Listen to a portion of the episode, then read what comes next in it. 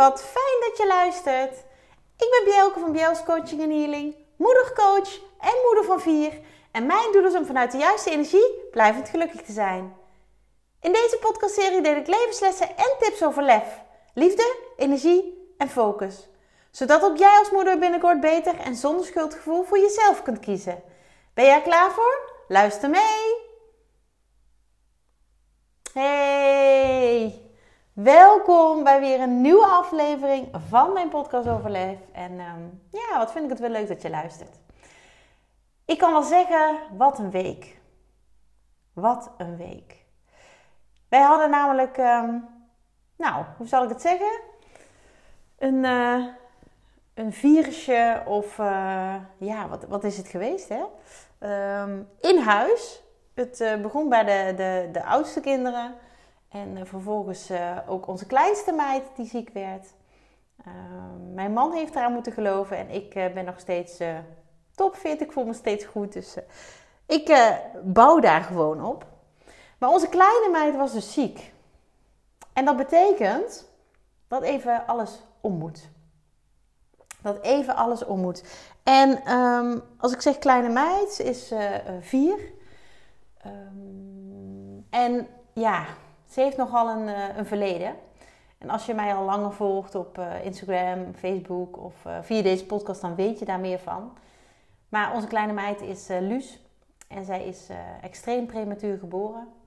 Na 26 weken zwangerschap zag zij het levenslicht. En dat was heel intens. Dat was ook um, heel, ja, heel spannend. Want tussen leven en dood, laat ik het zo zeggen.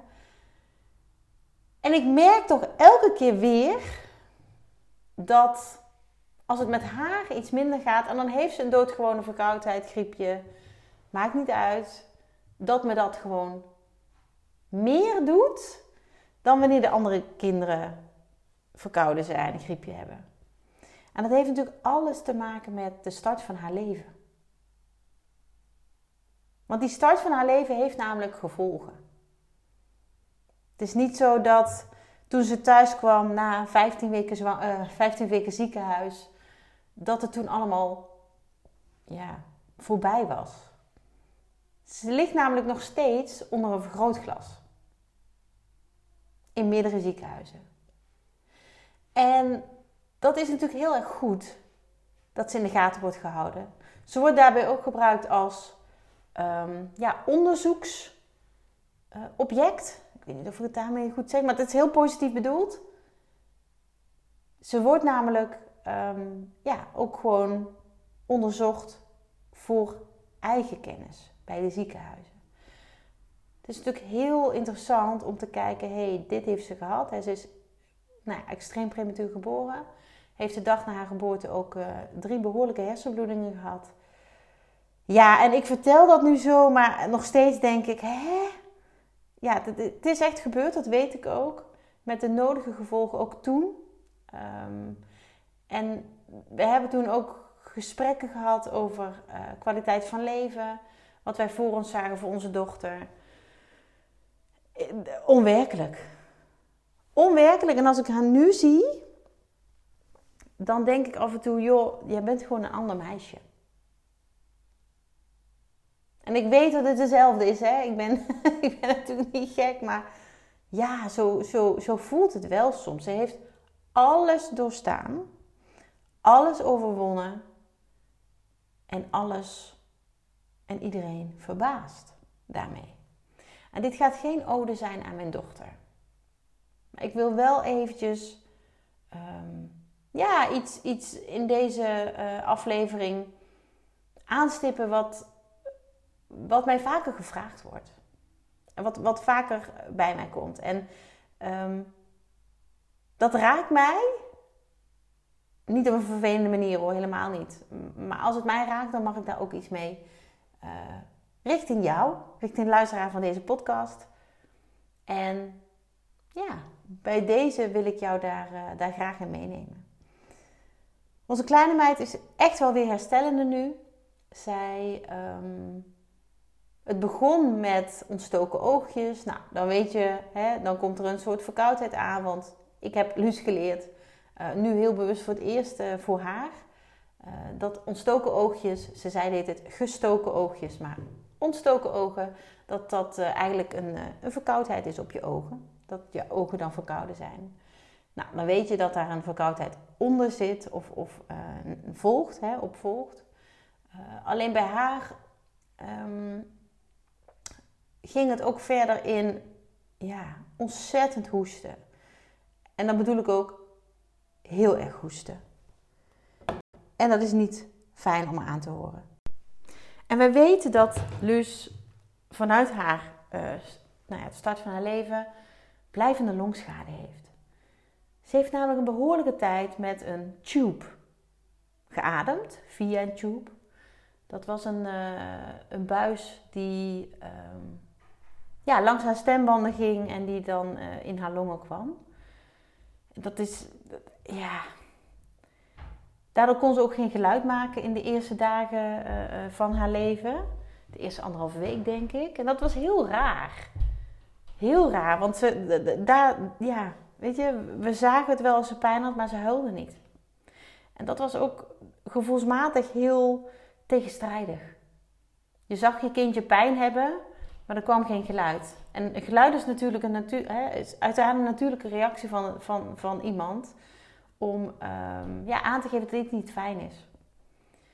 Dus dat was oh, heel naar. Maar goed, zij heeft dus blijvende longschade. Dat weten we. We hebben ook met een kinderlongspecialist uh, gesproken voordat zij uh, mee naar huis ging. Uh, toen ze naar huis mocht. En maar die longschade hebben ze verder niet onderzocht. En ja, weet je, dat gaan we gewoon wel, uh, gaan we gewoon wel achterkomen. En het idee dat wij hebben als ouders is dat zij iets sneller uh, een bovenste luchtweginfectie krijgt. Dat ze daar gewoon wat gevoeliger voor is, omdat dat allemaal al wat uh, kwetsbaarder is. En dat was ook deze week het geval. Het is zo sneu om je kind zo te zien hoesten. Nou ja, soms zelfs bijna te, stikken. Dat klinkt heel heftig, maar ze, krijgt het wel verwerkt, maar het, het, het duurt even. Ah, dat is zo sneu. Zeker als ze slaapt. Dus het waren ehm, intense nachten, zo noem ik het altijd maar. Ik uh, hou niet zo van zwaar, moeilijk, uh, vermoeiend. Het waren intense nachten en uh, het kleine meisje kon er helemaal niks van doen. Dus dan, dan sta je daar gewoon. Maar wat ik wel echt merk is dat het me raakt als er iets met haar is. En hè, zoals ik al zei, meer dan het me raakt met de andere kinderen. En dan bedoel ik puur gezondheidswijs. Want die andere drie hebben niet uh, deze start meegemaakt, hebben niet uh, deze impact op hun lijf en leven gehad. En ja, weet je, we zijn mega dankbaar, echt mega dankbaar voor hoe het nu met Luus gaat. Um, ze loopt fysiek wat achter. Maar dat is puur en alleen omdat haar lijf ook een lange tijd vast heeft gezeten door alles wat ze uh, heeft meegemaakt. Dat, uh, ze kan inmiddels uh, um, nou ja, alles wel gewoon gebruiken. Ze heeft een lichte vorm van cerebrale parese aan haar linkervoetje. En dat is ook echt minimaal, heel licht. Dus ze rent en ze springt en ze fietst nog niet zoals andere leeftijdsgenootjes doen. Maar ja, weet je, aan de andere kant, ik, ik vind het echt ook totaal niet interessant. Het is een super lief sociaal kind. En um, ja, weet je, ze heeft gewoon een verhaal. Ze heeft gewoon een verhaal. En ik belde ook de huisarts um, omdat ik gewoon even wilde laten checken dat haar longen oké waren. Want mij gaat het niet gebeuren dat ik denk, oh joh, het is gewoon een, een, een hoest en een bovenste luchtweginfectie, want dat heeft ze al vaker gehad. En dat we dan een longontsteking of iets dergelijks over het hoofd zien. Dat gaat me niet gebeuren en zeker niet bij Luus, die al hè, kwetsbaarder is op dat stuk. Dus de dokter heeft geluisterd, eh, alles was schoon. Uh, inderdaad, hè, bovenste luchtweginfectie, nou dat weet ik inmiddels al. Ik ben ervaringsdeskundige uh, met Luus daarin. En um, ja, het, het, het gaat echt wel beter hoor. Het gaat echt wel beter. Ze is, is aan de beterende hand. Alleen, um, ja, het heeft impact. Het heeft impact. Ik merkte dat het mij ook onrustig maakte. Um, ik laat het er ook gewoon zijn. ik heb er echt wel een traan om gelaten. En niet zozeer omdat ze dood en doodziek was, nee, maar omdat het me raakt dat, ehm, ja, dat zij gewoon een beetje uit haar doen is. En ik heb haar natuurlijk 15 weken gezien in een, in een, in een ziekenhuis. Het zijn uiteindelijk drie ziekenhuizen geweest waarin ze gelegen heeft. En dan komt dat gevoel weer naar boven. En dat is oké. Dat mag er zijn. En Luus is weer vrolijk. Hè? Ze, ze, ehm, ja, ze maakt weer grapjes. ze, ze doet weer uh, stoute dingen. Nou ja, weet je, daaraan merk je wel weer dat ze er is. En ze hoest nog, maar het is niet uh. En ze, kan er, ze kan ermee te voeten. En dat is, dat is natuurlijk super fijn. En ik spreek natuurlijk heel veel moeders vanuit mijn werk, vanuit op het schoolplein. Um, maar ook gewoon als ik ergens ben, ja, ik maak altijd een praatje. En als ik dan vertel wat ik doe, jeetje, wat leuk, uh, wat interessant. Ehm, en ik hoor zo vaak, echt zo vaak, dat iemand een kindje heeft. En of dat nou een, een, um, een kindje hè, wat, wat, wat nog in de luiers zit, of, of gewoon al puber is, misschien zelfs volwassen. Er zijn genoeg kinderen die iets hebben. En misschien is dat jouw kind wel. Misschien is dat jouw kind wel. En iets hebben kan, kan van alles zijn. Hè? Dat, dat kan van, van heel licht tot heel ernstig, tot ehm, ja, is het, is het fysiek of is het gedrag, uh, mentaal. En het een is niet erger dan het andere. Tenminste, zo sta ik er altijd in. Het is allemaal gewoon vervelend maar ook niet onoverkomelijk. Dat wil ik er meteen ook bij zeggen. En wat ik daar nog meer over wil delen, omdat ik ook laatst die vraag kreeg. Ik ben me onwijs aan het verdiepen, laat ik dat nog eventjes zeggen, in de wet van aantrekking. Dat ben ik al jaren aan het doen. Ik pas hem ook gewoon toe zelf. Maar er zijn altijd extra lagen die je kunt gaan met zo'n theorie, met zo'n natuurwet eigenlijk. Ik vind dat bijster interessant. En ik vind het ook heel interessant omdat ik het um, uh, ja, probeer te zien van hey, hoe werkt dat dan voor mijn omgeving? En ik had er laatst een gesprek over met, met, met een dame, een, een, een moeder, en die zei: Ja, maar kan ik dan ook, um, hè, omdat het met mijn zoon niet zo goed gaat, kan ik dan ook iets voor hem manifesteren? Wet van aantrekking gaat over manifesteren. Kan ik dan aantrekken dat hij zich beter voelt? En het antwoord daarop is nee. Nee, je kunt niet voor een ander aantrekken. Je kunt niet iets moois aantrekken voor een ander. In de zin van via de wet van aantrekking. Iedereen heeft namelijk zijn eigen punt van aantrekking. En dat eigen punt van aantrekking is jouw vibe, jouw energie, hoe jij je voelt. Dat is waarmee jij iets aantrekt. Dus dat kun je niet doen voor een ander, zoals voor je kind. Maar je kunt wel als moeder, hè, dan, dan spreek ik jou even toe. Je kunt wel als moeder een voorbeeld zijn voor je kind. Hoe klein ze ook zijn, hoe oud je kind ook is, stap zelf in dat vertrouwen. En wat er ook speelt, als er iets met je kind aan de hand is. En misschien is het goed om meteen even een misvatting uit de wereld te helpen. Heel veel mensen denken dat ik alleen maar moeders coach van kleine kinderen. Dat ik alleen maar vrouwen begeleid, moeders begeleid die kleine kinderen hebben als soort opvoedcoach. Dat is niet zo. Ik ben geen opvoedcoach. Ik ben juist een coach voor vrouwen die, voor moeders die vastlopen in het leven. Die gewoon even geen voor- of achteruit meer weten. En die daar helderheid voor willen. En dat kan allerlei oorzaken hebben waarom ze het even niet meer weten. Allerlei redenen hebben. En dat kan zich op heel veel manieren ook uiten. Ik begeleid ook moeders met volwassen kinderen. oma's zelfs. Want iedereen heeft wel iets waar hij mee loopt, waar hij mee vastloopt. En ja, nou, ik wilde dat toch even benoemen. dat ik niet alleen maar ben voor de moeders met kleine kinderen, maar juist ook voor oudere moeders. Voor, eh, voor moeders met grotere kinderen. Weet je, pubers. Heel uitdagend. En hoe stevig sta jij dan in je schoenen als moeder? En ik begeleid dus zelfs oma's. Want ook oma's staan nog midden in het leven. dat zie ik bij mijn eigen moeder. Die is 72. Maar die staat echt nog midden in het leven. Als ik vroeger aan mijn oma, als ik, als ik het vroeger of mijn oma had, was het echt een, een, een, een, uh, een vrouwtje met bloemkoolhaar, zo noemde ik dat dan. Um, en een uh, schortjurk aan, bloemetjes.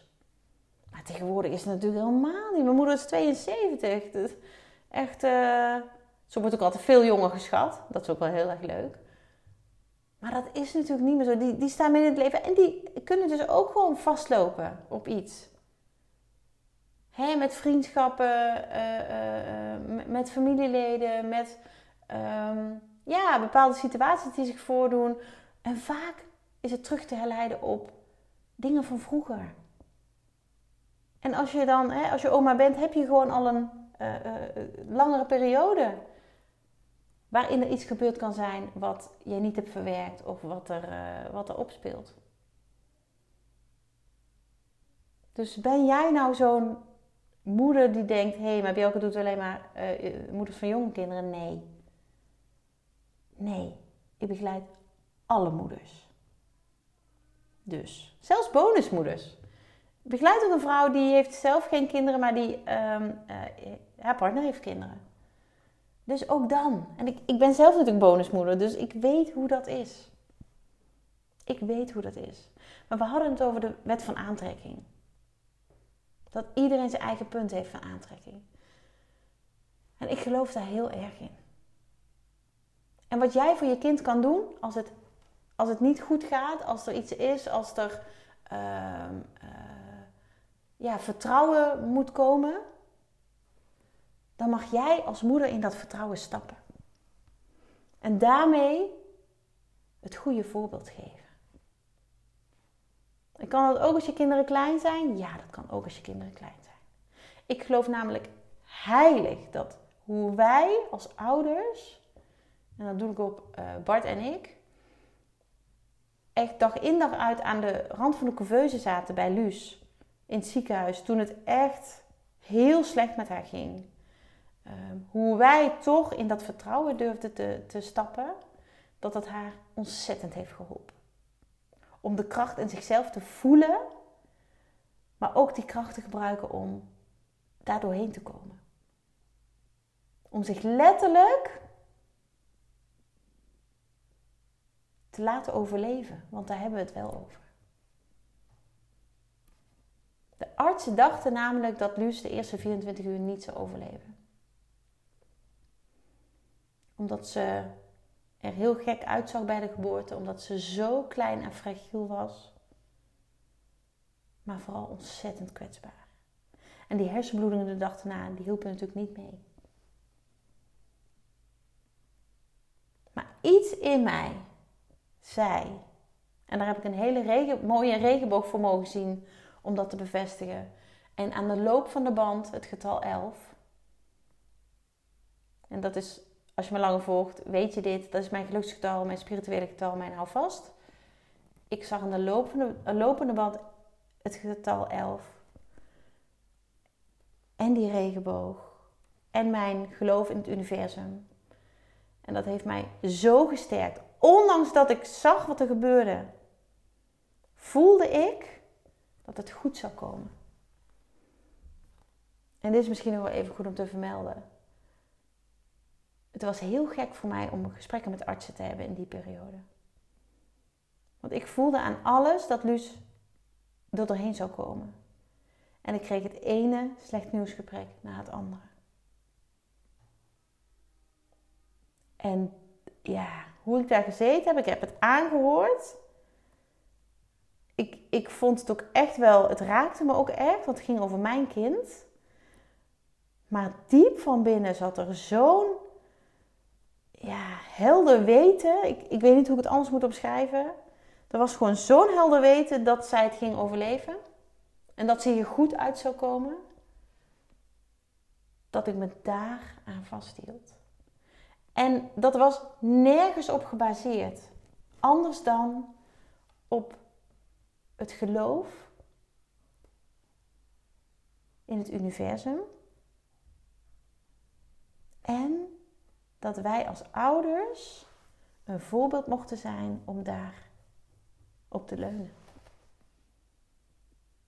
En of dat nou wel of niet heeft gewerkt voor Luus, dat zullen we nooit weten. Maar ze is er nog. En hoe? Ze is er nog en hoe?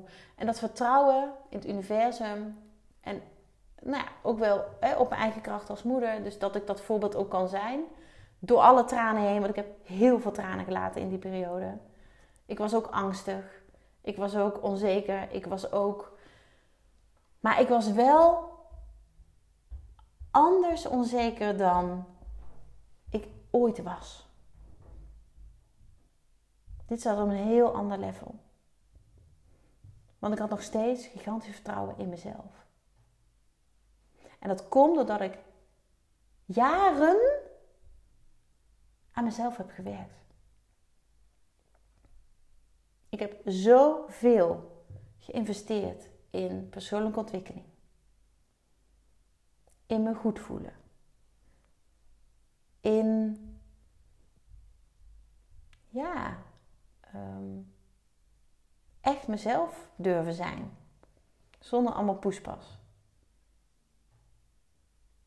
En ik ben er ook gigantisch van overtuigd dat jij je kind het allergrootste cadeau geeft door aan jezelf te werken. Ik grap wel eens richting mijn kinderen dat ik hè, zoveel in persoonlijke ontwikkeling doe, aan me goed voelen en, en uh, zodat zij later niet daar last van gaan krijgen. Want ik ben me heel bewust van wat ik, wat ik tegen ze zeg en dat ik geen uh, dingen projecteer die eigenlijk ook niet van mij zijn. Hè, die ik ook weer meegekregen heb van uh, ouders, van familieleden, van meesters, juffen, docenten. Ja, omgeving, vrienden, vriendinnen. Maar zo is het natuurlijk wel. Ik spreek zoveel vrouwen. En ik mag zoveel moeders begeleiden. En ook vrouwen zonder kinderen. En elke keer is het weer hetzelfde verhaal. En dat bedoel ik niet super saai, nee joh, verre van. Maar er zit altijd een basis van negatieve overtuigingen achter, onder. Zit altijd een basis van een verhaal van iemand anders onder. Wat ze als waarheid hebben aangenomen. Maar dat is niet van hen. En dat beperkt ze. Want het past helemaal niet bij ze.